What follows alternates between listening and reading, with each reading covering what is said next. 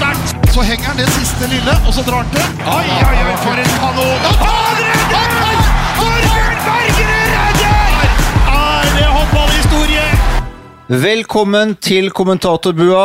Det er onsdag. Vi kjører en ny økt på hjemmekontoret vårt på Ullevål stadion. Og her sitter tre mann som har brukt de siste dagene på å kjempe seg ut av VM-bobla. Hyggelig å se dere igjen, Bent Svele og Harald Bredli. Takk for sist. Takk. Like. for. Har dere klart å komme dere ut av eh, VM-bobla? Ja, har vel det. Det var sånn, det er jo rart den, den første dagen etterpå. Det er ingen tvil om det. Du på en måte går inn og ser litt på, går inn på appen og ser når begynner kampa i dag, liksom. Men eh, samtidig så er det jo greit, da. Det var en intensiv, og et mesterskap eh, har sin ende. Og så, så var, det, var det Men det var klart, det var jo vanskelig å komme unna VM, da, som har danske kanaler hjemme. Og så én ting var at de begynte å sende på søndag før finalen klokka, tolv, nei, klokka ti.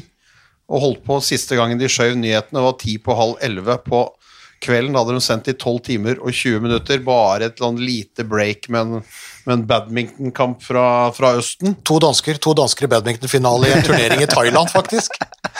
Så det er, Og så går de på igjen, går de på igjen 15.20 på, på mandag med direktesending. Da legger inn en sånn der flight radar-bilde. Da var flyet så vidt kommet over Polen. Og så hadde de da, fulgte de dem hele veien inn til det var to jagerfly og et helikopter som hadde det. Og de var til siste mann var ute fra bagasjebåndet. Så gikk det live på dansk TV, og så kom de på igjen på kvelden når Jeg var inne på sendinga. Ja, jeg satt, jeg satt og så på det sjøl, jeg. Jeg var inne, det eh, nei, jeg var inne på sendinga. Jeg var med på sendinga. Ja, du, på søndagen, ja. Ja. Ja, Hva- Altså, du var på TV? ja Harald, Harald Ti- var eh, 10.50. 10.50 eller noe sånt var jeg inne. Da, Da var han ikke inne, for da var han inne. Da hørte ikke, da hadde ikke lyd. ja, Det satt jeg og så på. Ja, så da men gikk jeg tur. du, ble, du ble intervjua? Du ble ja, ble inntatt, for da satt de med programleder og to eksperter der. De starta klokka ti. De starta klokka ti, altså. På, på, på finaledagen. hva, hva ville de vite? Av, Nei, eh, litt om eh, Det var jo litt, litt sånn Norge- Norge-vinkel, for da tok de jo for seg en del av, eh, av de andre tinga. Så det gikk jo litt på skuffelse og hva som har skjedd, og litt av den, litt av den biten, biten der. Men Dansk TV 2 satser, satser ganske mye, altså. Men det som, det som slår meg litt etter dette her, da, er hvor inn i granskauen misunnelige er på våre skandinaviske naboer når de vinner noe og lager fest. Der er ikke vi i nærheten! Tenk, altså Nå har vi ikke vunnet noe på herresida i håndball. Uh, og det er jo ikke alle mulige andre idretter uh, heller. Men du kan eh, relatere det til, uh, til ski, da. Ikke sant? Altså Du husker jo VM i Holmenkollen og den gullfesten nede på Universitetsplassen i Oslo. Hvor fett det er. Det der gjør jo danskene og svenskene når det kommer om det er gull eller medalje i, i, i fotball eller, eller gull i håndball, så er det jo full rulle på Rådhusplassen. Er, de følger jo flyet inn. Da de tok VM-gullet og slo Norge i finalen i 19, ikke sant, så var jo det på Jylland. De fulgte jo flyet med F-16-eskorte og full rulle på Rådhusplassen. Nå var det jo koronatid, så tenker jeg at nå blir det jo rolig. Det blir ikke noe Rådhusplassen og alt det greiene der. Men de sendte jo hele tida allikevel. Det var jo full rulle gullfest hele veien. Svenskene klarer det, vi klarer det. Vi fikk jo gulljenter hjem fra, fra Danmark i desember. Og, og det er ingenting. altså Du, du ser kanskje en hestehale som forsvinner uh, forbi den Narvesen-sjappa borte på Gardermoen, og så er det over! Det er helt det Vi får ikke til noen verdens ting! Nei, vi, vi føler der. vi har slått på stortromma hvis det står to brannbiler som spyler noe vann over, over, flyet. over, flyet. når de kjører inn. Ja, da at- har vi slått ordentlig på stortromma. Ja, og at det kanskje kommer noen fra Håndballforbundet med, Med en noen, kvast, ja. eh, med en eh, kvast tulipaner, og så står det kanskje liksom en eh, 55 år gammel autografjeger og to unger med en, med en uh, plakat som de har tegna hjemme. Det er sånn vi feirer våre gullhelter når du kommer hjem. Sammenligna med hva våre naboer gjør. Ingenting! Men det sier, er litt, det, det sier jo litt om hvor, altså hvor populært håndball er i Danmark, da. Ja, men det er jo ikke bare, altså det er jo ikke bare håndball, det er jo om det er fotball i Danmark eller hva det skal Badmi- være. Hvis, Hvis, hvis, du drar, hvis, du drar til, hvis du drar til Sverige og ser noe hockeylandslaget har vunnet noen, ja. noen gull, hockeylandslaget der, og det er Segels Torg, og det er, det er Stinn Brakke, og folk står der, det Nei, spilles og skal vi skal greve gull i USA. Ja, kom igjen med bronse. med fotball. Kom, kom tilbake med fotball. Det var helt klin kokos! Med Dalin og Brolin Ja, han sto der og spilte. Ja, hvorfor, klar, hvorfor, Svensson og klarer ikke, hvorfor klarer ikke nordmenn dette her? da? Nei, hvorfor gjør vi ikke det? Nei, det er Altså, Vi klarer jo å ta gull, men vi klarer jo ikke festen. Ja, ikke sant? greier Hvorfor, ikke å hvorfor feire. klarer vi ikke festen? Hæ?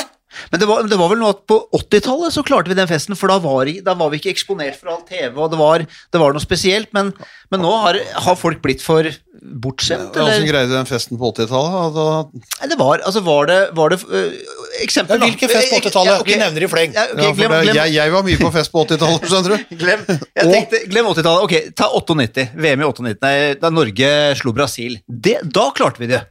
Det er vi enig i. Da danset Ja, folk i bakgrunnen. Det var en spontan. Spontant, Det var dans, spontant. Det er dansing i gatene Ja, ja. etter kampen. At, du, at, du, altså at alle føk ut på gatene sankthansaften for de skulle ut allikevel. Og løp rundt. Eller når Drillo, Ah, okay. Drillo kjørte hestedrosje etter at Ja, de hadde jo, vant ja, ja, men, jo, jo, jo, men da er vi jo i nærheten av noe. Da, er, da begynner det å ligne Altså, noe. fest er fest. Spontant eller planlagt, spiller ingen rolle. Ja. Men eh, da, da Norge tok, tok Brasil der, så var det var jo på sommeren, ikke sant? det var mye folk ute. Og det var jo eh, en vill happening. Og da kokte det jo bare. ikke sant? Altså Karl Johan og Spikersuppa alt mulig var jo full rulle. Og da Drillo og fotballandslaget var var på topp, eh, og de hadde den Polen-kampen hvor de så godt som var klar for USA-VM, og de, Drillo og Jostein Flo satt oppe i karjolen og kjørte hest og kjerre opp eh, Karl Johan, eh, veldig sånn raskt etter den hjemmekampen her på, her på Ullevål, det var jo på en måte antydning til, til fest. Da fikk vi lagd noe. Jeg vet jo at Drillo var jo litt sur på det, for det første så er jo ikke han som liker den typen fest, og for det andre så var jo egentlig ikke Norge i realiteten klare. Det var på en måte liksom i praksis, men det var jo en teoretisk mulighet som kunne fjerne det. For det var jo liksom bortekampen i Potsdam som var på en måte det endelige greiene. Men da var vi liksom litt i nærheten. Eh, den Brasil-greien, det var spontane Den karjolen var i hvert fall eh, noe. Vi har jo sett det noen andre ganger når det er eh, klubber eh, som tar gull. Vi brukte jo, altså Vålerenga brukte jo Rådhusplassen da de brøyt Rosenborg-rekka. Da er vi tilbake i 2005. Ja, det sånn? Ja. Så, så, så, så det, det er jo noen sånn, men, men sånn nasjonalt på greiene der Altså Vi klarer det når vi har ski på hjemmebane, men når de der heltene kommer hjem og sånn, og på håndball, er totalt fraværende. Og dette er jo en håndballpod. Så dette her, det er jo helt Det er trist, det er egentlig trist. Ja, det er trist at, vi, ikke, ikke får det til. Og jeg er så inn i granskauen misunnelig på, på naboene som får det til. Og det skjer jo en god del andre steder, og vi ser jo sånne store, store idrettsfester til land etter land etter land. Men hos oss så kommer vi altså hjem med sånn halvspiss nistepakke, og så sniker vi oss inn i jula. Hæ? Når Vardar kom hjem etter å ha vunnet Champions League-gull i håndball for første gang i Skopje, det var 150 000 mennesker ute der, de sto på noe altså det, det syda og det kokte, ikke sant? Det er, eh, Men da er vi er ikke i nærheten. Og, og Gjør, da. Vi har jo en del, del Gjør. De vinner jo alt hele tida, Mm. år etter år. Kjører jo på torget der sånn. Full rulle. Alt mulig. Den hyllesten der, folkefesten altså, og Glem at det er koronatid nå, ikke sant? men danskene klarte jo å få til en fest selv med alle eh, koronabegrensningene. ikke sant? Eh, slik, at, slik at spillerne følte at, de, følte at de fikk noe. Det var i hvert fall på TV, slik at folk kunne, kunne, kunne se på. Ja, Ja, det, det, var, og det, var, det, var, det var jo pynta overalt. Altså, de kom til passkontrollen. Det var, altså, det var ikke en skjerm på Kastrup som ikke gratulerte dem med gullet. Alle som jobba der, sto med danske flagg og vinka og vifta. Nei, stas. Vi har verdens beste håndballjenter, og så er vi altså dårligst i verden på, på Feire dem, ja. å, å feire dem. Ja, nå, nå kommer jeg på hvilket eh, 80-tallsevent som var det råeste som overgår all håndball. Det er selvfølgelig Ta sjansen i Holmenkollen eh, på, på 80-tallet. For de som husker det. Men, husker du det, Harald? Ta sjansen? Ja, Det verste er, var at det var jævlig populært, vet du. ja, men det, var det du dro opp av gullfest, liksom? Det var det jeg fant nå. Du prater om gullfeiring? Ja, var. Gullfeiring på 80-tallet. Googla du det nå, så kom du Ta Ta sjansen. sjansen. Jon Hervik Karlsen, Ja, altså noen som skal ut på ei flåte i, Ja, i tjernet der. Dan Børge det var var- det, Dan Børge det var var det det. du kom opp med? Det var det beste. Ja, og da skjønner du egentlig Altså, det er svar avgitt, for da skjønner du egentlig hvor langt vi er unna. Nå er du så inn i granskauen, for å si det nok en gang, unna blått kort. Du har aldri vært så nær blått kort. Ja, det er bra. Det er bra, Men nå sitter vi hos meg, Der så det er er klart ut, at eh, ut, ut med det er, rapport, Det altså. er så deilig. Det spiller ingen rolle om vi sitter hos deg. Det er så Det er blått kort med rapport. Forel- Foreløpig. Men vi må snakke om VM. Ja, nå, altså det, det, det vi gjorde nå, var jo på en måte å prate oss vekk fra, fra vårt elendige Vi var jo ganske bra på EM-tips Ja. i desember, Ja. og vi har vel krasja på det meste. Vi kom vel litt skeivt ut, og så har det bare Airbagen har slått ut, ja. Så det må jo være. Ja. vi, vi var vel ikke så Vi var vel ikke så Ja, vi hadde vel sånn 50-50 på de innledende gruppene, men det er ikke så viktig. Og så var vi vel egentlig ganske ok med sånn fem av åtte inn i kvartfinalene. Eh, men da for å gå på liksom hovedtipset da, som vi satte opp sammen med Magnus Abelvik eh, Rød før VM, der har vi jo krasja. Jeg vil si da at den plassen som kanskje er vanskeligst å tippe, det er jo bronseplassen. Fordi den bronsefinalen er jo liksom tapernes eh, finale osv., så, videre, så du vet jo aldri, den er veldig uforutsigbar. Og der hadde vi Spania på bronseplass, og den traff vi på. Og, og, og det at, at vi fikk inn liksom den vanskeligste plassen å tippe, det er jeg utrolig stolt øh, over. Eh, og vi hadde da Danmark eh, blant liksom de siste fire. Så det er, så det er jo veldig Ja, vi, vi, vi, og vi tar med oss det, og vi og det Ja, det- vi må ta med Det er oss som du sier, Harald. Det blir noen følgefeil. Altså, vi hadde Ja. Det skal vi ha. Vi hadde tro på Norge. Ja. Og når Norge da punkt én tapte til Frankrike i den første kampen, så dro de det med seg hele mesterskapet. Det ga også Frankrike muligheten til å komme inn der og spille om medaljer. Når vi da røyk for, eh, for Spania i kvarten der og blei ble helt borte, så, så blei det, ble det noen følgefeil. Ja, for, å, for å rekapitulere, da, bare for å starte selvpiskinga nå, det andre var jo på en måte litt ironi, så hadde vi jo da Norge på førsteplass. De skulle da slå Kroatia i finalen. Så skulle Spania slå Danmark i, eh, i bronsefinalen. Altså Uten altfor mye respekt, altså vi, vi var inne på noe, men vi bomma jo totalt på, det? på det viktigste. Så vi hadde altså VMs to største skuffelser på de to første plassene. Og i det derre TV 2-programmet, da, så hadde de jo litt eksperter og er det Kirka? Nicolai Krikau, ja. Krika? Krika? Han Treneren inne, til GOG. ja, han var inne, han var inne uh, i studio, det jeg var inne på TV 2, og han mente da at Norge var uh, VMs største skuffelse. Uh, og der kontra jeg, vel jeg med å si at vi fikk vel bare en andreplass der. For jeg mener jo at Kroatia, eh, som også Bent mente kunne slå Norge i en finale, Kroatia vil jeg si Takk, er den største eh, skuffelsen i eh, VM, bortsett fra Kapp Verde, som hadde mye walkover.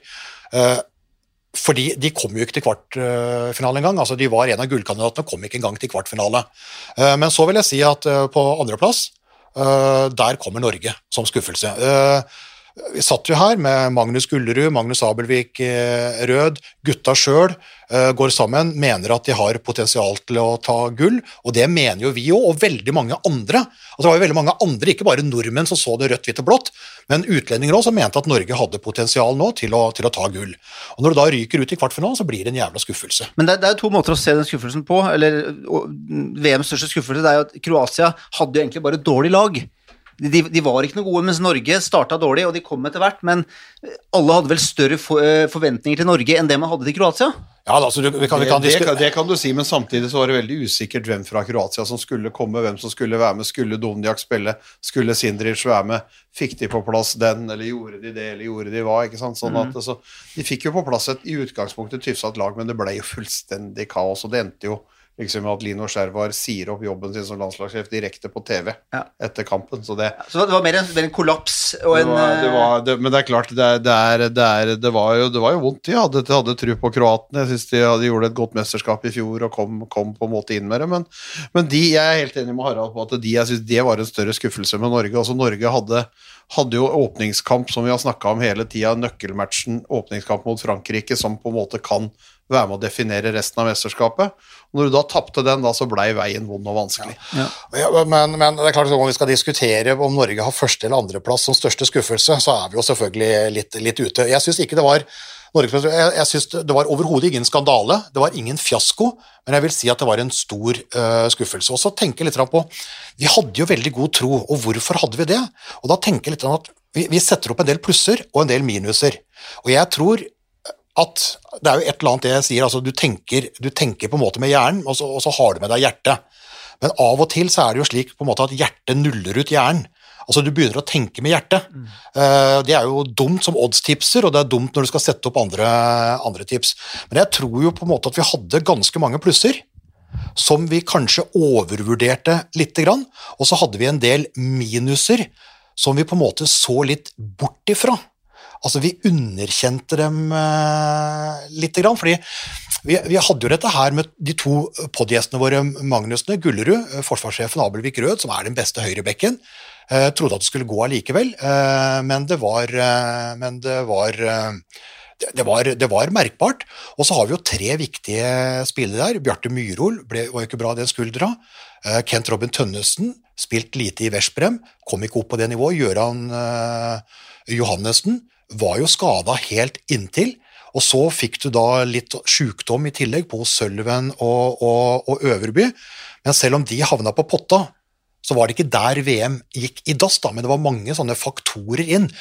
Uh, der det på en måte blinka litt gult og gikk over i rødt, og hvor vi så grønt. Fordi at vi ønsker så inderlig at vi skulle slå til. Mm. Så jeg tror liksom de gule lysa, framfor å definere dem røde, så definerte vi dem grønne. Ja, og jeg ble litt lurt av den siste oppkjøringskampen mot, eh, mot Danmark, hvor, hvor, hvor Norge, var, Norge var mye bedre. Danmark virka ikke så sterke. Og så var det jo helt det motsatte som skjedde. Ja, det handler jo litt om hva du også Det handler jo litt om inngangen du kommer inn med. Så er det selvfølgelig Så, så, så handler jo underveis om prestasjoner av enkeltspillere, hvilket nivå de greier å heve seg opp på og vise seg fram på, ikke sant. Og, det, og, det er, og totalen for Norge blei at det blei ble for smalt. Uh, rett og slett. Og det blei for store konsekvenser av punkt én, de to som da var borte. Og punkt to da Sullivan ute ute mot, eh, Frankrike, som var den kampen hvor vi på en måte fikk, fikk opp det dårligste tempoet og fikk aldri satt det trøkket som vi skulle gjøre i det. Og det blei for mange endringer til at vi kunne greie, greie, greie, å vinne den kampen, og det dro vi med oss hele veien. Og da, da tror jeg det blei altså, da, da ble det litt desperasjon. Når du har tapt den første kampen, så må du på en måte da inn og, og gjøre gode jobber i det andre. Og det er klart Du fikk aldri hvilt noen spillere i den forstand at du, du, skulle egentlig møtt USA, men så kunne ikke de være med. Der kom Sveits. Der måtte du stå på morgenen for å vinne den kampen. Så det blei ble en tøffere matching på det inn mot det hele òg, tror jeg. Ja, og jeg kan alltid si sånn, Norge var jo uheldig med, uheldig med, med med trekninga. Mm. Fikk jo Frankrike fra tredje sidingsnivå. De skulle ha en avspasering mot USA, det ble Sveits som etter tapet mot Frankrike måtte gjøres. Det finnes massevis av, eh, av eh, unnskyldninger. Men jeg syns det var et interessant poeng, for jeg prata med Sander Sagåsen eh, i går, første praten etter at du kom hjem til Kiel for å sjekke opp skadestatus på han, som heldigvis er mye bedre enn forventa. Men han brukte ordet press. Som, som, fallgruba. Og det er interessant, og han varsla på en måte en knallhard evaluering av det som skjedde på banen, og det som skjedde utenfor banen. Altså at du har litt sånn havarikommisjon. Fordi jeg nevnte liksom at jeg vet ikke om jeg prøvde, men bare selge ut sånn Ja, men dere hadde jo en tøff trekning. Ja, men dere hadde jo det. Dere var jo litt skada. Dere var jo litt sjuke, og du ble jo skada. Alt mulig. Så sier han ikke drit og dra, sånn som jeg ville ha sagt, men han sier det er ingen unnskyldninger. Fordi at det var andre lag også som hadde problemer med magen og som hadde skaden. Blant andre Danmark. Og den som hadde den aller, aller verste oppkjøringa, det var Sverige. Og de kom begge i finalen, så han bare avfeier unnskyldninger og sier at vi er nødt for å se på oss sjøl. Og det syns jeg er ganske, ganske voksent. Og han sier press. Ikke nødvendigvis at du bukka under for liksom forventningspress, men denne gangen husker du da, husker da tilbake til, til, til VM i 17 i Frankrike. Eh, da gutta kom ut fra sånn målsettingsmøte og sa at målet vårt er å gå videre fra gruppespillet, så sier Sander Sagåsen vi skal ta medalje. Ja? Mm, mm. Og så kommer vi inn seinere, så sier gutta nå skal, vi, nå skal vi prøve å ta medalje. Da sier Sander Sagåsen gull. Ja, så han har jo alltid ligget foran der, lagt press på seg sjøl og andre. Nå så sier alle gutta gull. De er samstemt om at dette kan bli gull. Og vi blir jo ikke lurt, vi følger jo den biten der. Men så er det et eller annet. Sander Sagåsen er vant til å legge press på seg sjøl, og vant til å spille under press, er vant til å levere med det. Det er ikke slik at alle de andre er det. Så han mener faktisk at de ikke helt takla presset, og at det er noe som må læres. Eh, Og her går det på trynet, og vi skal jo ikke glemme det at Danmark vant VM på hjemmebane i 19. De floppa totalt i EM eh, i fjor, og så er de på toppen av pallen igjen nå. Så det går an på en måte å gå på et eh, feilskjær, men du må lære av det og slå raskt, eh, raskt tilbake. Og Han mente da at Norge har fått en, fått en lærepenge nå, at de må lære seg å takle det presset. Og så var jo da spørsmålet liksom, men burde dere da gått så høyt ut? Skulle dere gjort sånn så vi, vi kritiserer jo håndballjentene innimellom å være litt for feige, for de tar jo gull hele tida, og så sier de at nå skal vi ta medalje. Ja, men kan du ikke si at du skal ta gull, da? Altså, Du kan jo ikke være fornøyd med sølv eller bronse når du tar gull, det så vi jo i VM 17 nå. De tapte finalen for Frankrike, fikk sølv, og de sto jo der som om de hadde drikket surmelk, hele gjengen. Ikke sant? Så de er jo ikke fornøyd med sølv når du tar gull. Så hvorfor sier de ikke det? Men de legger jo da lista litt lenger ned. Eh, og så kan de allikevel oppnå noe, men for Sander Sagåsen så var ikke det noe tema. Så sier de at nei, vi skal ikke senke lista og si at ja, men vi skal ta medalje og alt mulig. Vi skal si det, men vi skal tåle å stå i det. Vi må tåle det presset. Ja, og det er, og det er, jo, det, det er jo alfa og omega i det hele, det. Altså det og, det og, det og, Og det er klart at da når du da åpner med at du får deg en på trynet, så, så, så forsterker jo det presset, og så blir det kanskje en frykt for at å, nå må vi, nå må vi, nå må vi, og så blir det mer forknytt enn at du på en måte slipper deg løs og, og har det gøy og spiller. Fordi, altså de bruker jo, de, de bruker, Christian Berge bruker jo også vi, Hvis ikke vi har det gøy når vi er ute på banen der, så, så presterer vi jo ikke. Vi må glede oss til å spille, vi må, vi må, på en måte, vi må, vi må ha det moro når vi er ute på banen. Og Hvis du da ikke har det, og at du begynner å tenke konsekvenser når du er der ute, så blir det forknytt. Det er, det er, det er de brutale fakta. Så litt tilbake til det du sa i stad, Harald. Jeg tror jo at vi da overvurderte Altså Vi så Kent Robin Tønnesen komme tilbake og hamre inn en to-tre-fire mål mot Danmark der og tenkte nå er han på vei opp. Men, eh, men det blei for lite håndball på for lang tid til at han skulle kunne greie å levere. og Det er, det er, og det er egentlig urettferdig mot Kent Robin å si at han trodde han skulle være der som vi huska han, etter å ha vært borte så lenge. Myhrol det samme som sleit med den skuldra, måtte sitte en god del i en del kamper fordi at det gjorde vondt. Men når han hadde fått hvile noen dager, så kunne han på en måte komme inn og, komme inn og prøve. Og Det er klart, det, det betyr mye. Det har vært eh, offensivt kanskje en av de, har vært en av de aller beste, kanskje den beste i perioder, offensive linjespilleren i verden. Og det er klart det at, eh, at eh, når han da ikke greier å levere pga. skade, så blir det et voldsomt minus for, for Norge. Men en spiller da uten press i VM-oppkjøringa mot eh, Danmark. Eh, et godt dansk lag. Eh, I den andre kampen da Norge vant, så var det jo litt sånn dansk lag litt på, spare, på sparebluss. Ja, det var Landin på, Landin på tribunen, og Ja. det er jo altså, med fasit i hånd, så, så vet en jo på en måte hva Ja, Landin men men, men, men vi, ble, vi ble litt lurt. Vi ble litt lurt av en del av de tinga der. Og når du går da inn, for det, det sa jo Sanne Sagåsen, at det å spille med og uten press, det er to forskjellige idretter. Og han tenker jo da at de spiller lite grann, og frykten for å ikke lykkes er der hele tiden. Og det er da punkt én i å mislykkes. Altså hvis du, hvis, du, hvis du går ut på banen og er redd for å ikke lykkes, øh, og ikke tåle presset, og for å ikke nå det, så vil du garantert mislykkes. Og så kan du vise da til det EM-et. Da fikk du en flying start i, i Trondheim, øh, selvfølgelig, men også det de gjorde da i Malmö etterpå. Veldig mange av gutta definerer på en måte EM øh, forrige året som guttas beste prestasjon. Selv om de tok da en dårligere medalje med bronse enn i, i to VM, så mener de da på en måte at det er den beste. Da spilte de sin beste håndball.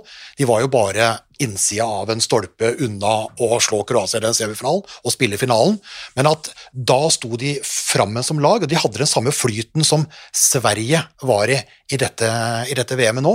Mens i dette VM-et så ble det aldri mer enn én og to spillere. altså Det var ikke et lag som sto sammen, det var én eller to spillere. Du havna aldri i den flyten, og du ble stressa. Eh, frykt for å tape. Og da går det rett og slett uh, ikke, da. Gjør ikke det? Dessverre. Det var synd. Og Det var veldig synd. men Ja, men det var jo sånn sett snudd på huset, er det jo fortjent. Det er, altså, det er, det er jo sånn det er. Det er jo, men noe, igjen, vi hadde, alle hadde jo, og vi også hadde jo store forventninger. Og har vi blitt litt, har vi blitt litt bortskjemte på de siste fem åra? For fem år siden, seks år siden så hadde vi vært superfornøyd med en god prestasjon høyt opp på lista, mens nå var jo alle sånn ah, Vi tror Norge vinner eller kommer til en finale. Ja, men det handler, jo, det handler jo på en måte hvordan de som lag også kommuniserer. Altså de, de, de definerer seg som en del av de beste, altså som, som en del av verdenstoppen, og de mener sjøl at de er gode nok til å stå på toppen av, av den pallen. Og det er vi jo helt enige med dem om, for de har prestasjonene i det siste vist at de, Ja. de har vært der og spilt om medaljer og spilt om medaljer, ikke sant. Så det, så det, Så det, det, det er er derfor vi er skuffa når de taper en kvartfinale mot Spania, som er en toppnasjon. ikke Ja, sant? men, men statistikken før det VM-et her var rett og slett at de hadde vært i semifinale i tre av de fire siste mesterskapene. Det var EM i 18 hvor de også tapte åpningskampen mot Frankrike, Mm. som ble skjebnesvanger, hvor de ikke var oppe og, og spilte om eh, medaljene. Eh, og når vi da går eh, da på total semifinale, hvis vi tar med det gjennombruddet i 16, så har det faktisk da vært, eh, vært eh, ja, De har jo faktisk tatt medalje i tre av de fire siste. Mm. Og de har vært i semifinale I i fire av de fem siste. Mm. Uh, og de har tatt én bronse og to sølv. Og de jakter gullet og sier at de en gang skal stå på topp.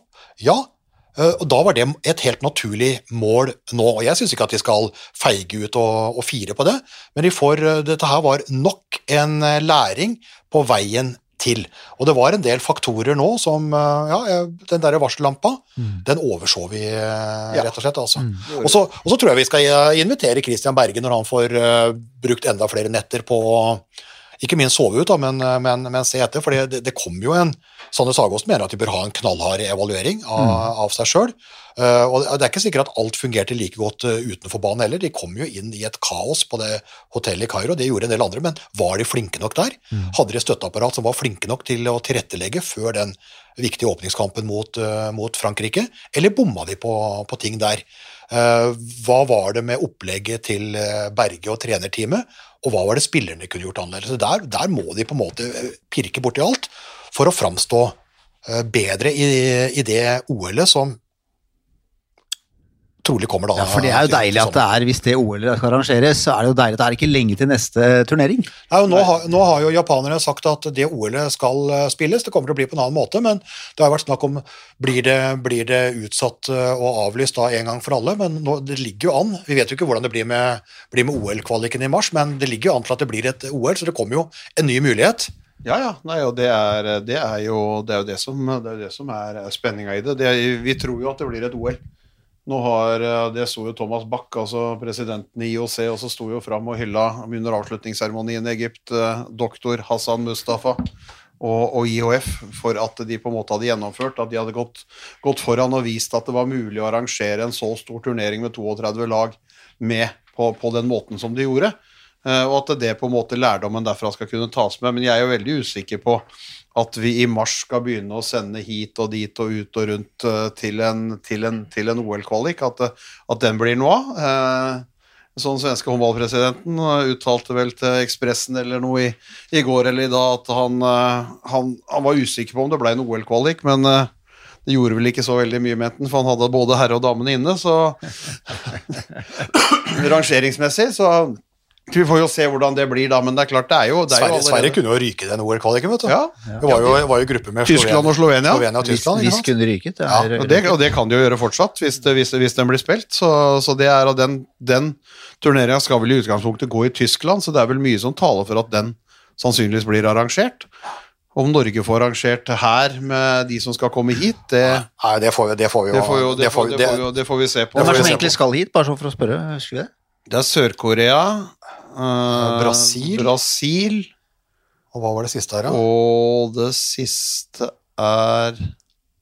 Ja, det var i hvert fall Ja, overkommelig. jeg ja, altså det, Kan- ah, Nei, det er Ja, vi kan komme tilbake til det. jeg, klarer, jeg, jeg, klarer, jeg klarer ikke å ta det, men, men altså, det, er- altså, det, altså, det, altså, det skal ikke være mulig å bomme Nei, nei. Nei, det den, eh, på, den, på den kvaliken når to av fire lag går. Altså, der, er, eh, der er Norge klart bedre enn en, en, enn alle. Men eh, vi satt jo her da forrige, ikke sant, før kvartfinalen og håpa at, håpet at Norge skulle slå Spania, noe vi definitivt ikke, ikke gjorde. Og håpa da kanskje på en sånn trippel skandinavisk i, i semien. Eh, hvor da Danmark-Sverige skulle spille bronsefinale, og vi skulle møte Frankrike i revansjeoppgjør i, i finalen. Sånn gikk, det jo, sånn gikk det jo ikke, da, men de to andre de to andre klarte det jo. Ja, ja. Altså Danmark eh, reiste seg, eh, kom jo fra den ene potta etter den andre og stabla seg på beina og, og tok Sverige. Og Sverige da med Glenn Solberg eh, i, i trenerteamet der, altså med tidenes verste VM-oppkjøring, de gikk jo hele veien. Altså Jeg trodde ikke de skulle komme til kvartfinale. Jeg trodde ikke de skulle komme til semifinale, og jeg trodde i hvert fall ikke de skulle komme til finale. Så på Sverige så bomma vi altså Bomma totalt. på hver eneste bortplassering. Hvilken Snåsamann var det som hadde Sverige i en VM-finale i år? da? Det var ikke mange, tror jeg. altså. Nei, men det, men, men det viser jo da på en måte at de kom jo da inn i den derre inn i den derre Dødens pulje. Ja, men, nei, men de, ja, de hadde ikke noe de, de, Nei, Det var kanskje Norge, det. men, ja, Ja, Norge hadde tøft, men, men, det er Slovenia-Egypt der, Også. men, men Danmark, Danmark hadde jo utrolig lett vei til kvartfinalen. Eh, altså det, er jo det, det, er jo det, det er jo det letteste. Men, men svenskene hadde motstandere. De hadde vertene og Slovenia. Og vi trodde at Egypt og Slovenia skulle slå ut Sverige, men det var Sverige som slo ut de. Uh, og så fikk de Qatar i kvartfinalen, ja da. Uh, men, men, men reisa til Sverige, den er ganske imponerende. Jo, men jeg er enig, helt enig, men greia til Sverige var det at de havna i en pulje hvor veldig mange lagene kunne slå hverandre. Ja, ja. Men, men sånn var det ikke i Norges pulje. Nei, det var det ikke. Ikke og, og hvis vi da ser over på, ser over på, på Danmark, da, så er det klart, så der var det mye Kongo og Bahrain og, sånn. Og når du da møtte Argentina, som kunne vært en trussel, så sparte jo Argentina spillere. Når de møtte Qatar, som kunne vært en trussel, så hadde jo ikke de fått et par av sine beste eh, et par av sine beste inn. Eh, Så, så, så veien og, og når de skulle da møte Kroatia i puljefinalen, så hadde jo Kroatia punktert. Så Danmark fikk jo nesten walkover til kvartfinalen. Men når de først sto i kvartfinalen, For en kamp. så serverte de også! Altså, altså at, Så at, at, at ikke de. Twitter og Facebook og disse sosiale at det ikke bare kollapsa etter denne kampen her, det er helt utrolig. Fordi, ja, som dere sier Ja, det, altså, det, var det var jo en berg-og-dal-bane som du altså, Så var, var du inne, så var du ute. Og så tenkte jeg Egypta som vinner ballen uavgjort, har igjen et halvt minutt, og så gjør et feil innbytte, sender en spiller for mye på banen, som resulterer i et rødt kort, straffe til, eh, til danskene. Det er fort det er, altså, det er fort gjort å bli historieløs, at du glemmer noe på, på, på veien. Men vi kan umulig ha opplevd noe som er i nærheten av, av, av det dramaet der. Og Sjøl så har jeg jo liksom gjennom mine 25 år eh, med, med håndballen alltid hatt liksom VM-finalen til jentene på Lillehammer som det store øyeblikket. Mm. Til tross for Bergerud-redninga i- som, som sånn enkelt øyeblikk, men som kamp de fire ekstraomgangene og det dramaet har jo vi kalt liksom tidenes kamp. Og vi har jo lagd eh, nettserie på det og alt mulig. Og jeg har jo fortsatt det som på en måte topp på min liste da, av opplevelser ved å kommentere og være i hallen. Men tidenes håndballkamp, eh, altså det er jo det er jo Danmark-Egypt i, den- i den kvartfinalen. Ja, For maken til drama kan vi aldri og, og jeg vet ikke altså, Og så sier vi ofte at vi kommer aldri til å oppleve det igjen, og så viser jo historien at det kommer jo tilsvarende etter hvert. Men dette her, Dette i vår levetid, Aldri. det tror jeg aldri vi kommer til å En- du, oppleve igjen. altså, du, du kan oppleve en kvartfinale i et VM som går til ekstraomganger, og som går til fire ekstraomganger, og som går til straffekonkurranse. Det kan, det, kan, det, kan, det, altså det, kan skje, det kan skje i EM om et år, det kan skje i OL. Det, det, det er fullt ut mulig. Men ikke med de nøkkelhendelsene som da skjer, som gjør at det blir. Også en Mikkel Hansen som kaster bort ballen. Altså et halvt sekund, eller, eller hva. Nanosekund, faktisk. Ja, altså, det, det var, de, de, de viste det på dansk TV og sier at de, de svømmerne sånn, som står på, står på startpallen og skal reagere på én en eneste ting, og det er et pip Den, De som reagerer raskest, er 0,3 sekunder. Ja. Fra pipet går til at de på en måte kaster seg ut. Og det, og det var det. Og det var 11 frames var det, var det når jeg hadde splitta det ned på, på dansk TV. Det er 0,5 sekunder. Og da har jeg egentlig gjort bevegelsen, og så, og så, og så blåses det, og så, og så kommer den. Men det resulterer i at eh, Egypt kommer inn i det, ikke sant? Altså det røde kortet til han, så det røde kortet til Egypt da i ordinær tid, og så det røde kortet når de på en måte har det, har det hjemme. Før straffekonkurransen, idet Gitzel står der, blir tatt, og så får han ballen igjen og skal prøve å skyte, og så løper de ut og saboterer frikastet. Altså, det, det, vi må jo hylle vi, må, vi, altså, vi, vi skjeller ut IOF og de som setter reglene for mye greier, men, men akkurat den regelen der er jo det mest fantastiske som håndballen egentlig har fått. Sabotasje de siste 30 Sabotasjereglene, ja. sekundene. Strålende. Siste 30 sekundene eh, gjør altså for, for 15 år siden så hadde jo hadde jo tre mann slått Gitzel halvt i hjel, og så hadde de, han ene fått rødt kort, så hadde han gått ut med hendene over huet, og så hadde de vunnet kampen. Nå er konsekvensene så mye større. Nå blir det et rødt kort, automatisk straffekast til, til motstanderlaget, og så får de tatt den. Men det, det som er så sykt her, er jo det at eh, ingen av, ingen av hendelsene var jo reelle målsjanser. Ikke sant? Mikkel Hansen skulle kaste på ballen, og det samme med han da eh, egypteren gikk ut for å ta Gitzel, så de kunne jo bare stått, og det hadde Ja, ikke blitt mål, det det. ikke Og så sant? er det, og så er det da, og vi, og vi skjeller jo ut dommere og ikke minst uh, delegater, men her, gjør du, her er de på jobb, altså. Ja. Eh, de, de, de, det dommerparet som, som står i ilden her, det var vel kroatene, Kroatene, var det ikke det? Ja. Altså de som, de, som, de som står i, i den, og som dømmer slik, altså mot det derre der feil bytte, da det står 28-28 på tampen av ordinær tid, og Egypt har ballen og kan ordinær, og da de på en måte leder med ett sekunder før slutt i fjerde ekstraomgang, og du tar det på en måte for at du ruser ut da mot, mot det der frikastet med, med, med Gitzel der. Altså du tar de situasjonene der mot uh, vertsnasjonen, når du vet da hvem som er egypter, og som sitter også som IOF-president. Da har du baller. Men- Eh, og og ja. der, der jobber delegatene og dommerne usedvanlig godt, og det er også fantastisk godt å se, for det er så mye det er så mye rart og så mye korrumpert i, uh, i toppidretten, og ikke minst i håndballen, hvor vi har påpekt masse, masse rart uh, opp igjennom. Og det er deilig å se solskinn i en del ting som har vært eh, mørklagt eh, tidligere. For det er, altså det er så mye svin i den der håndballskogen at du kan bli matt av det. Men det blir heldigvis bedre og bedre på mange områder, og dette her var et lysende eksempel på noe som er, eh, som er bra. Det er deilig å se, altså. Ja, fantastisk at de på en måte viser TV-tegnet, går opp og ser situasjonen om igjen. Og, og ser da også, og ser at Egypt har en spiller for mye for banen, det viser bildet. Ser at Mikkel Hansen ah, kaster den ballen før han blåser. Uh, ser at de saboterer frikastet med Gitzel, og så får det de konsekvensene som det får. Det Jeg skal aldri si at vi aldri får oppleve det, eller vi får ikke oppleve det i vår levetid, det har jeg ingen tro på, men, men, men, men med tre sånne situasjoner helt på tampen i ordinær tid, fjerde ekstraomgang, alt det der, altså det er To, to, to ekstraomganger, det kan jo skje av og til. Fire ekstraomganger, ja, det kan skje. Straffekonk, veldig, veldig sjelden, men, men, men det har jo skjedd, og det, og det kommer til å skje igjen. Men da alle de andre situasjonene der, Ja, det er det med er de ikke noe kortalte greiene der, eh, som da kommer også av den nye, flotte sabotasjeregelen, aldri sett før. Men- aldri sett før, og jeg, jeg- det, det dramaet ja, vi- ja, vi kan drømme om å få det igjen, men, men jeg, jeg tror vi har pika.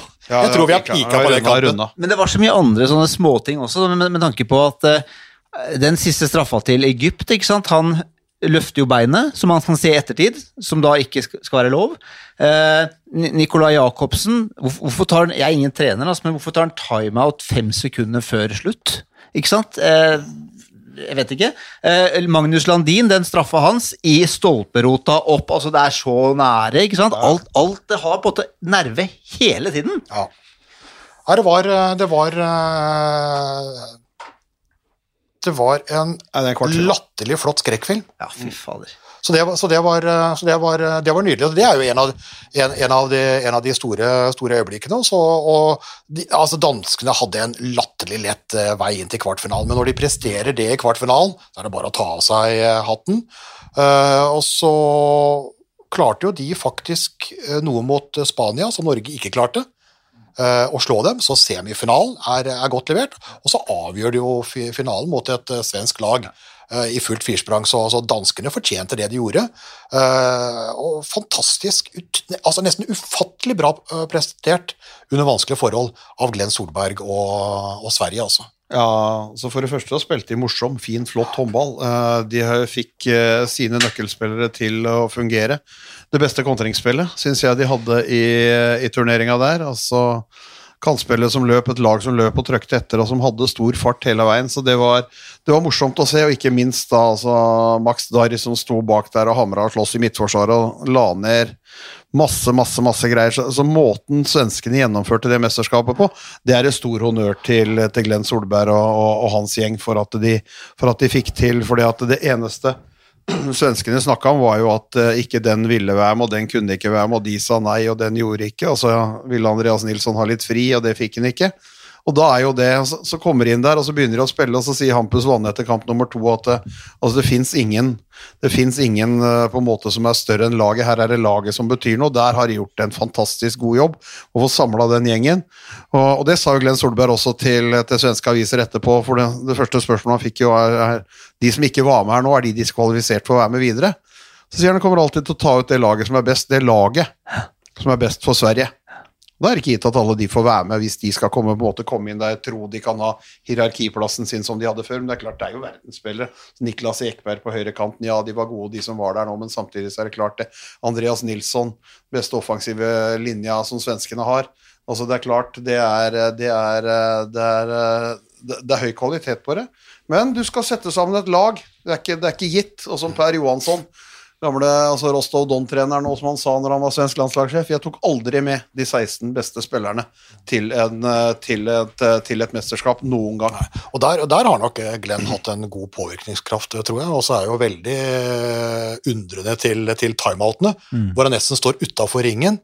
Altså Bokvist, assistenten, kjører jo på en måte det, og så er det jo Jim Gottfriedsson, han kjører jo på en måte timeoutene mye mye mer enn Sander Sagosen uh, gjør. og det kan, det kan være, Vi har jo prata mye om det de har gjort på kvinnelandslaget under Marit Breivik og Tore Hergeirsson, om å involvere spillere og, og, demokratiet der, men dette her er jo en helt, helt vanvittig variant som, uh, som Glenn Solberg kjører. Så der har vi en ny podgjest også. Glenn må inn i poden for å forklare litt uh, om om, eh, om tanker, eh, tanker, eh, rundt, rundt dette. For han står jo med propp i øret, og da kommuniserer han med han godeste ja, Tobbe Karlsson, Tobias Karlsson, som ja. var, var, forsvarssjef for Sverige og Flensburg i, mm. i, mange mange sesonger. Det er klart det at hvis du får Tobias Karlsson på, på øret og sier du, jeg ser forsvarsmessig der, da, du hører på han. Altså, han bruker de ressursene han har rundt seg, det syns jeg det står enormt stor respekt av. Ja, han var jo ikke så aller verst forsvarsspiller sjøl, Glenn Solberg. Han er jo faktisk en playmaker som sto i midten. Uh, midten fantastisk, bak, ja, fantastisk var, var jo godt måter. Men, men, men, det var, men det var veldig veldig merkelig å se de der timeoutene. Altså, det er jeg litt sånn spent på så vi må dra inn, må dra inn, dra inn Glenn her. Ja. Men det var, jo, det var jo fire saker. Og så er det faktisk én ting til som pleier å være latterlig dårlig i mesterskap, og det er Allstar-team. Det er nesten slik at vi ler så buksene ramler av hver gang de kårer et Allstar-team. Jeg, tror, jeg tror det er sjelden jeg har sett et team som har vært såpass ok som det de fikk ut, uh, fikk ut uh, her nå. Ja, det var i hvert fall langt unna det vi tippa. Det var langt. Vi, vi, jo, vi ble utfordra å tippe et Allstar-team gjennom en da Christian Sørensen, som dere kjenner. Og vi havna på en eh, finfin 20.-plass av 25, Harald. Ja, det som er deilig, da, er at Christian ble 2 eller 23, så han var godt bak oss. Peder Seiestad, ja. kommentator vi har satt, 21. Og deres blogger Stig Nygaard på 25.-plass. Ja, uh, jeg vil si at jeg var ikke involvert. Du var ikke det, Harald? Nei, jeg var ikke involvert, for jeg melder meg ut av de greiene der. Og vi, uh, vi bomma på stort sett alt. Vi hadde riktig på Spania på høyrekanten. Du kan jo dra oss gjennom det. Ja, for jeg tenker på hvis vi starter, altså, vi hadde jo, det, er, det er jo selvfølgelig da en del Sverige-Danmark, og så er det ofte sånn at en kritiserer jo Allstar-teamet, for det kommer jo ofte før finaledagen. Det kommer jo etter semifinalen ikke sant? og før bronsefinalen og, øh, og, og, og, finalene. Men her ute på venstrekanten så er det Hampus Vanne fra, fra Sverige. Helt riktig valg. Uh, også på venstrebekken kommer Mikkel Hansen av Danmark. Mm. Får ikke tatt de på det heller. Og på midtbekken så kommer jo Jim Gottfridsson fra, fra Sverige. Fantastisk turnering.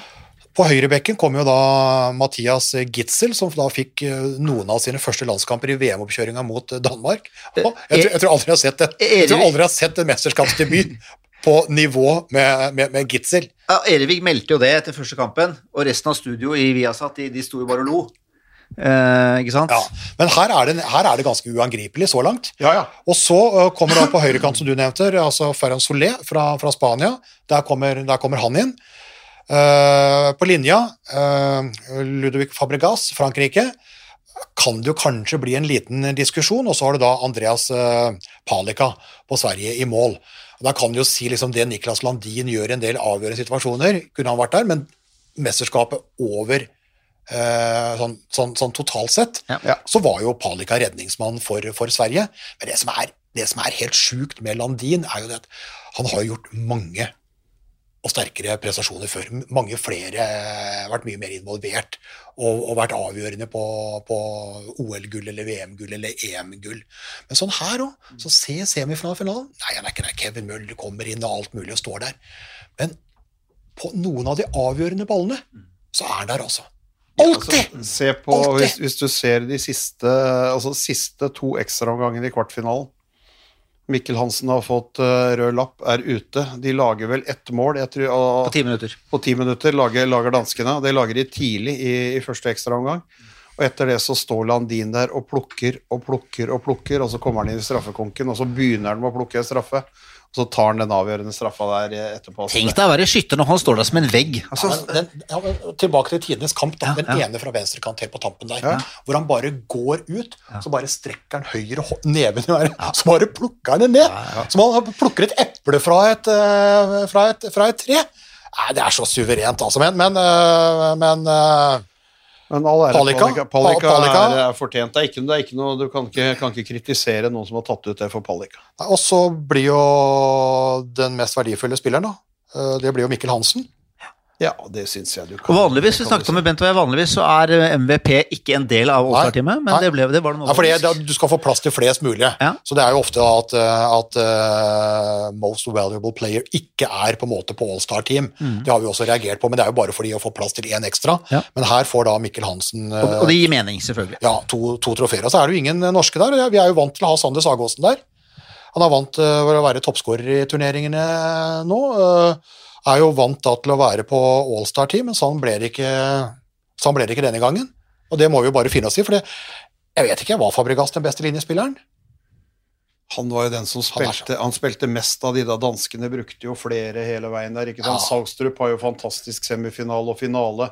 Eh, sånn at, uh, så, så, men, men det er vanskelig fordi at de rullerte rundt. ikke sant? Ja, han er, på- han er normalt så jævla god ellers òg, Så så Fabregas var, uh, Fabregas var god, det er klart det. At Vi kan- vi kan eh, fra Ungarn, hadde de kommet seg videre, så jeg sa at han sto der og slo laget aleine, mer eller mindre. Så. det riktig at det er kun Final Four-lagene Jeg vet ikke om det er noen regel på det, men det, skjer alltid. Er det riktig at det er kun de som skal få være med på et All-Star-team?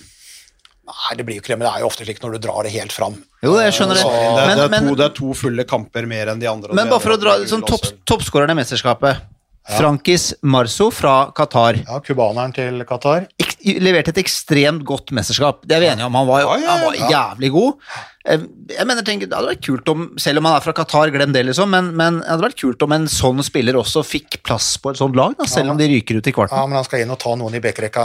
Ja, det skal han. Det er riktig. Det ut, knock ut Gottfriedsson? Ja, ok, men dette var bare et eksempel. Ja, da, ja, ja, men, ja, eh, vi kan godt diskutere det, men vi er jo vant til at, Ja. vi er jo vant til at Sander Sagåsen er på det Allstar-laget. Mm. Uh, og det er det ikke nå. Han gikk jo ut med, gikk ut med, med smerter. Det var også en del av uh, samtalen med Spania. Han fikk jo han, han vet jo ikke han har jo ikke, han har jo ikke sett situasjonen om igjen. Men jeg trodde jo at han fikk den skaden i angrepet. Ja. Men han sier at han fikk det i forsvar. Ja.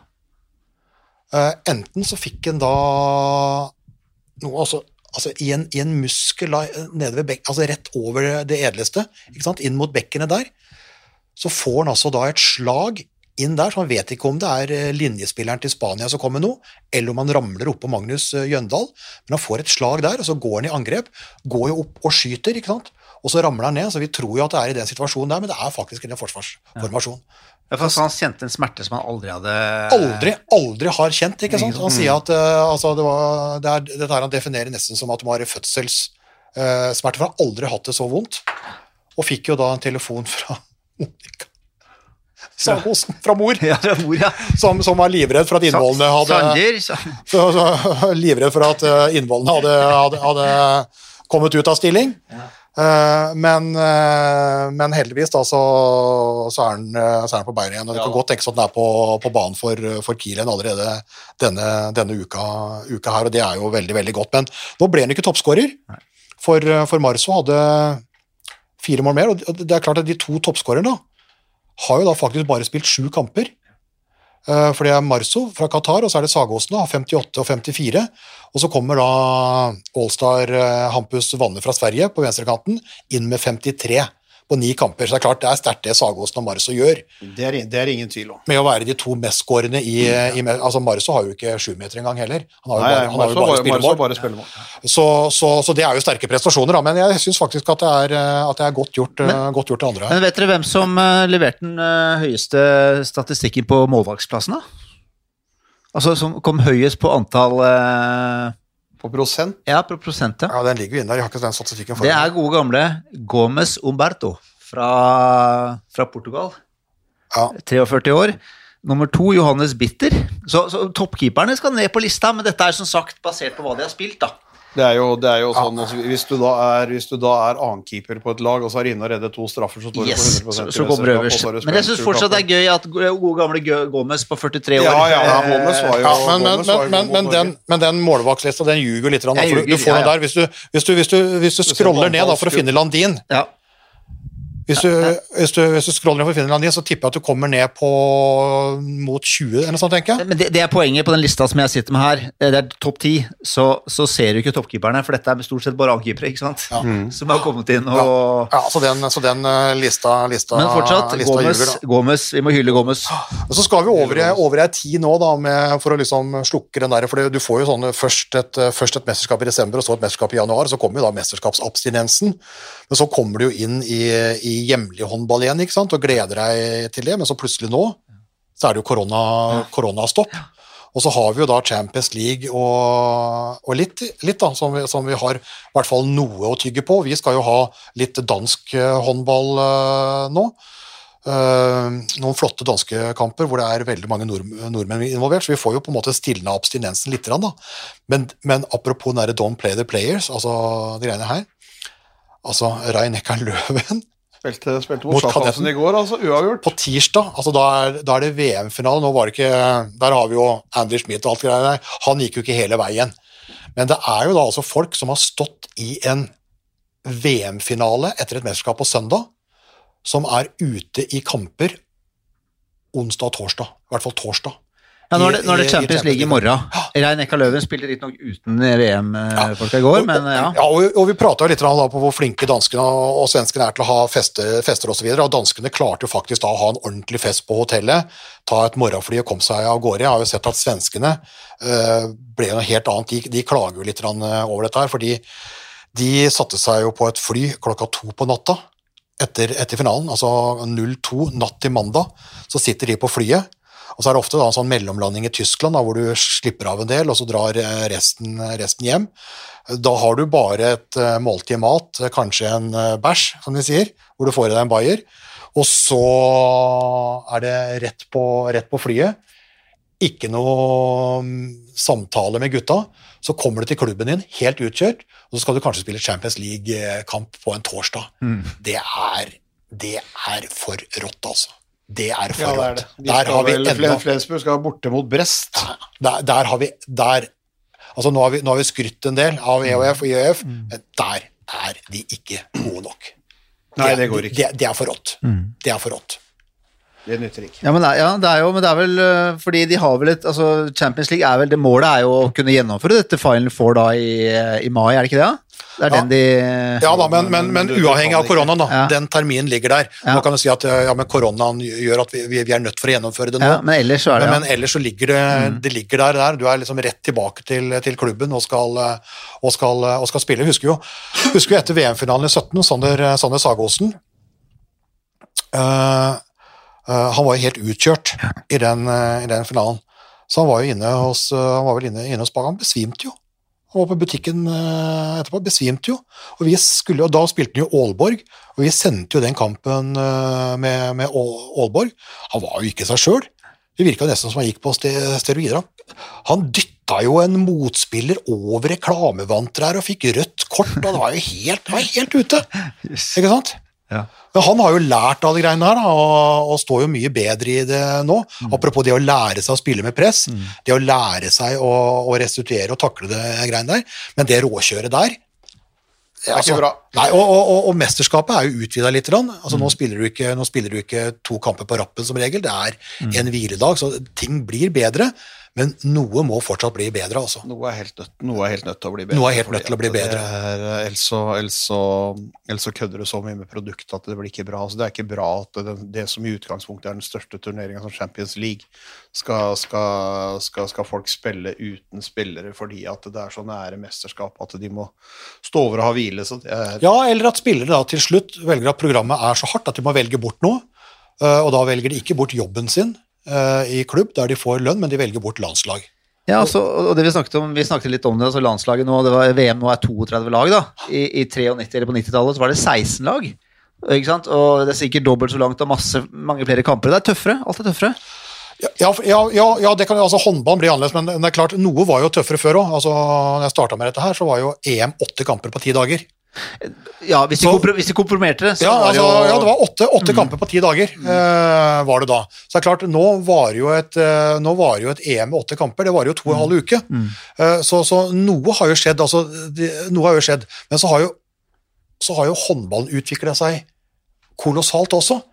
Eh, Det er blitt mye mer krevende, og så er det jo langt flere kamper og tøffe turneringer hele veien ellers. Så totalbildet, selv om du på en måte da løser opp med noen fridager innimellom, at EOF og IOF tar, tar tak i EM og, og VM, så blir totalen med hjemlig serie med Europacup alt mulig for de beste spillerne, som da også er i Champions League, hvor det er 14 kamper bare i gruppespillet, det blir for røft, altså. Så vi har kommet et skritt på vei, men vi er ikke i nærheten av, uh, å Langt være i mål. Jeg må jo bare nevne også at uh, i, i, de, i disse VM-tidene hvor man satt og fulgte med på VM, fulgte med på håndball, så satt jeg og googla litt. Og så fant jeg et klipp, Harald, uh, fra VM i Japan i 1997, hvor du kommenterte en kamp og Du kommenterte jo alle kampene, men dette var da mot Norge mot Argentina, hvor du kommenterte sammen med Gunnar Pettersen. Og det var jævlig moro å se hvordan Og det var Glenn Solberg på midten, ikke sant? Og Lauritzen og hele gjengen. Jævlig moro å se hvordan den håndballen har utvikla seg Det sto nesten stille. det sto nesten stille. Det var helt utrolig å se på, for det gikk så treigt. Og det var jo ikke noe sånn spill som du holder på med nå. Det var jo eh, eh, pådrag viderespill hele tiden, ikke sant? Det var det som gjaldt. Og å høre da deg med Gunnar Pettersen og Fridtjof Wilborn som sånne utegående reporter i pausen, nei, det var et eventyr å høre på oss.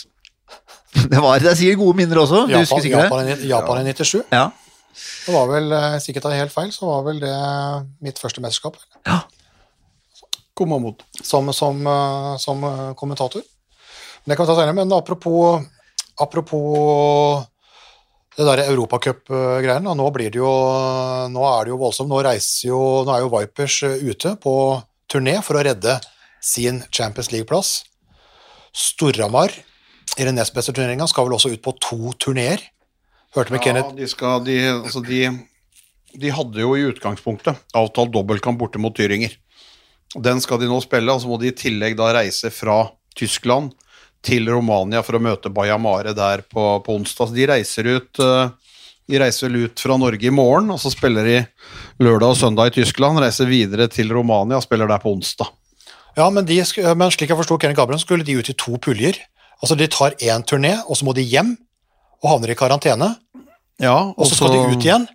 Så da har de vel, Men de har jo da møtt Sånn som jeg har forstått det, så tror jeg de bare har én match igjen etter det. For da har de møtt Bayamare to ganger og Tyringer to ganger. Ja. Så de må til Astrakhan. Ja, men de må ut igjen De med, må- med, ut med, igjen. Mm. med, en ny, med en ny karantene. Og Det betyr jo at først så har vi jo da fått øh, fikk vi da den derre uh, seriepausa som vi da trodde skulle bli ut, ut januar, to uker der. Så trodde vi at den skulle bli oppheva i februar, og så ble jo den forlenga. Så nå blir det jo ikke de første kampene nå, som vi da trodde skulle bli 3. februar, er jo nå 17. februar. Eh, og med det opplegget her til Vipers er jo den utsatte cupfinalen, som vi hadde håpa vi skulle få Vipers Sola 21., den kan jo nå havne langt, langt ut på, på vårparten. Eh, og vi skal jo ha en toppkamp, egentlig, eh, i begynnelsen av mars. Eh, altså Med det opplegget til eh, Vipers og Storhamar, så er jeg jo ikke sikker på om vi, om vi får det i hele tatt. Så nå jobber de jo på kontorene her for å prøve å sette, å sette tid, sette tid, tid og sted. Eh, og vi prata jo på at kvinnenes serieavslutning i slutten av mars havna jo på 5. mai, nå kan det bli 12. mai. Gutta skulle avslutta i mars, nå kommer det til å bli i slutten av april. Så, så det blir en del komplikasjoner her, og så blir det spennende å se da med Vipers, mm. Som hadde håpa nå å spille seks kamper på tolv dager i tre land.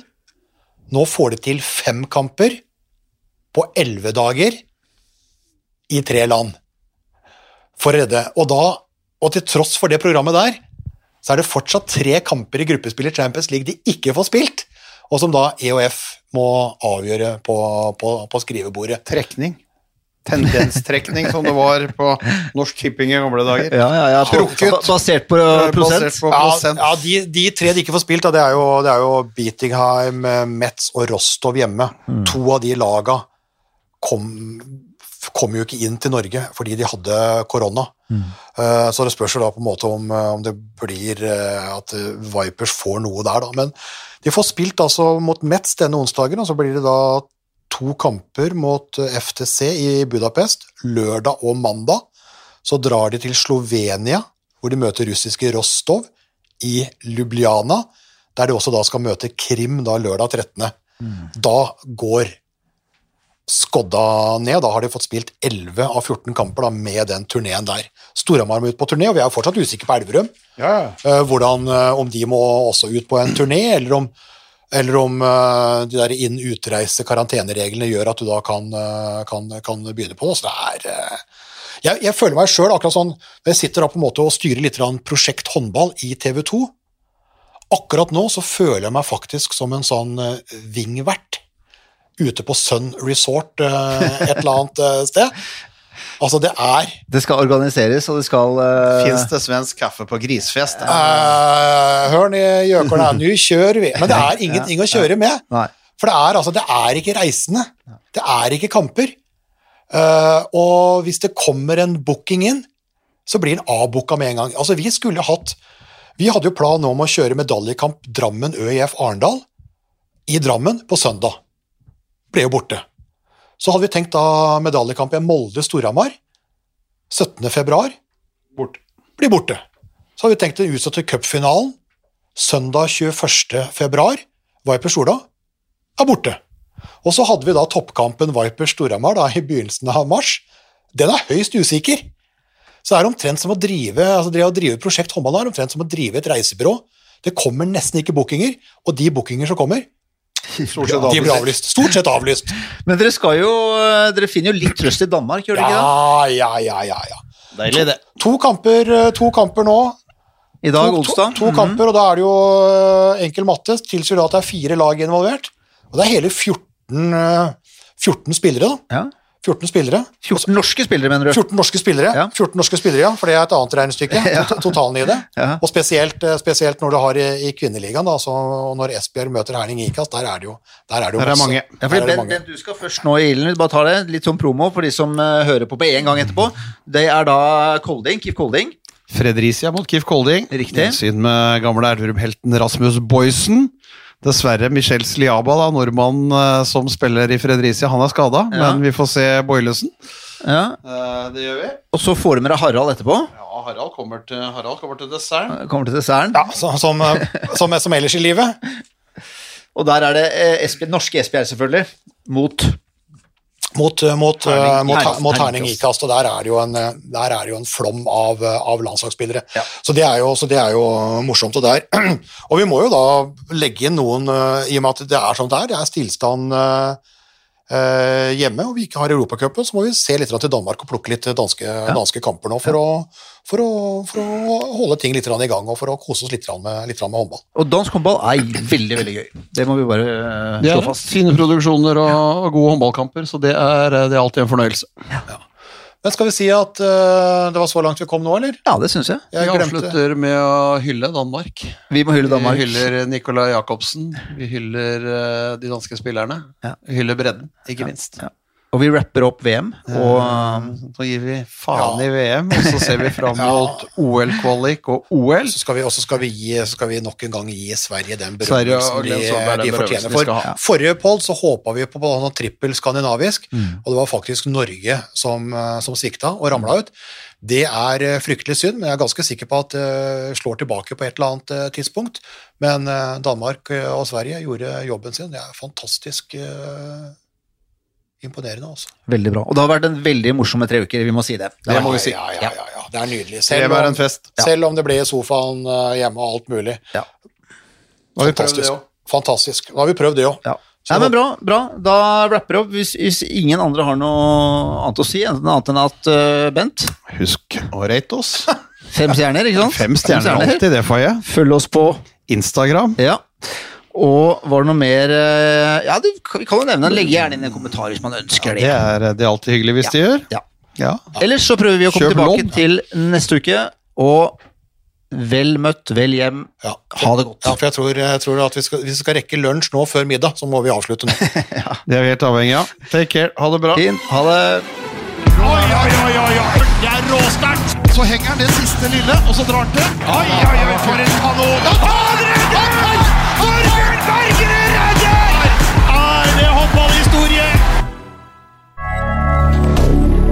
Moderne media.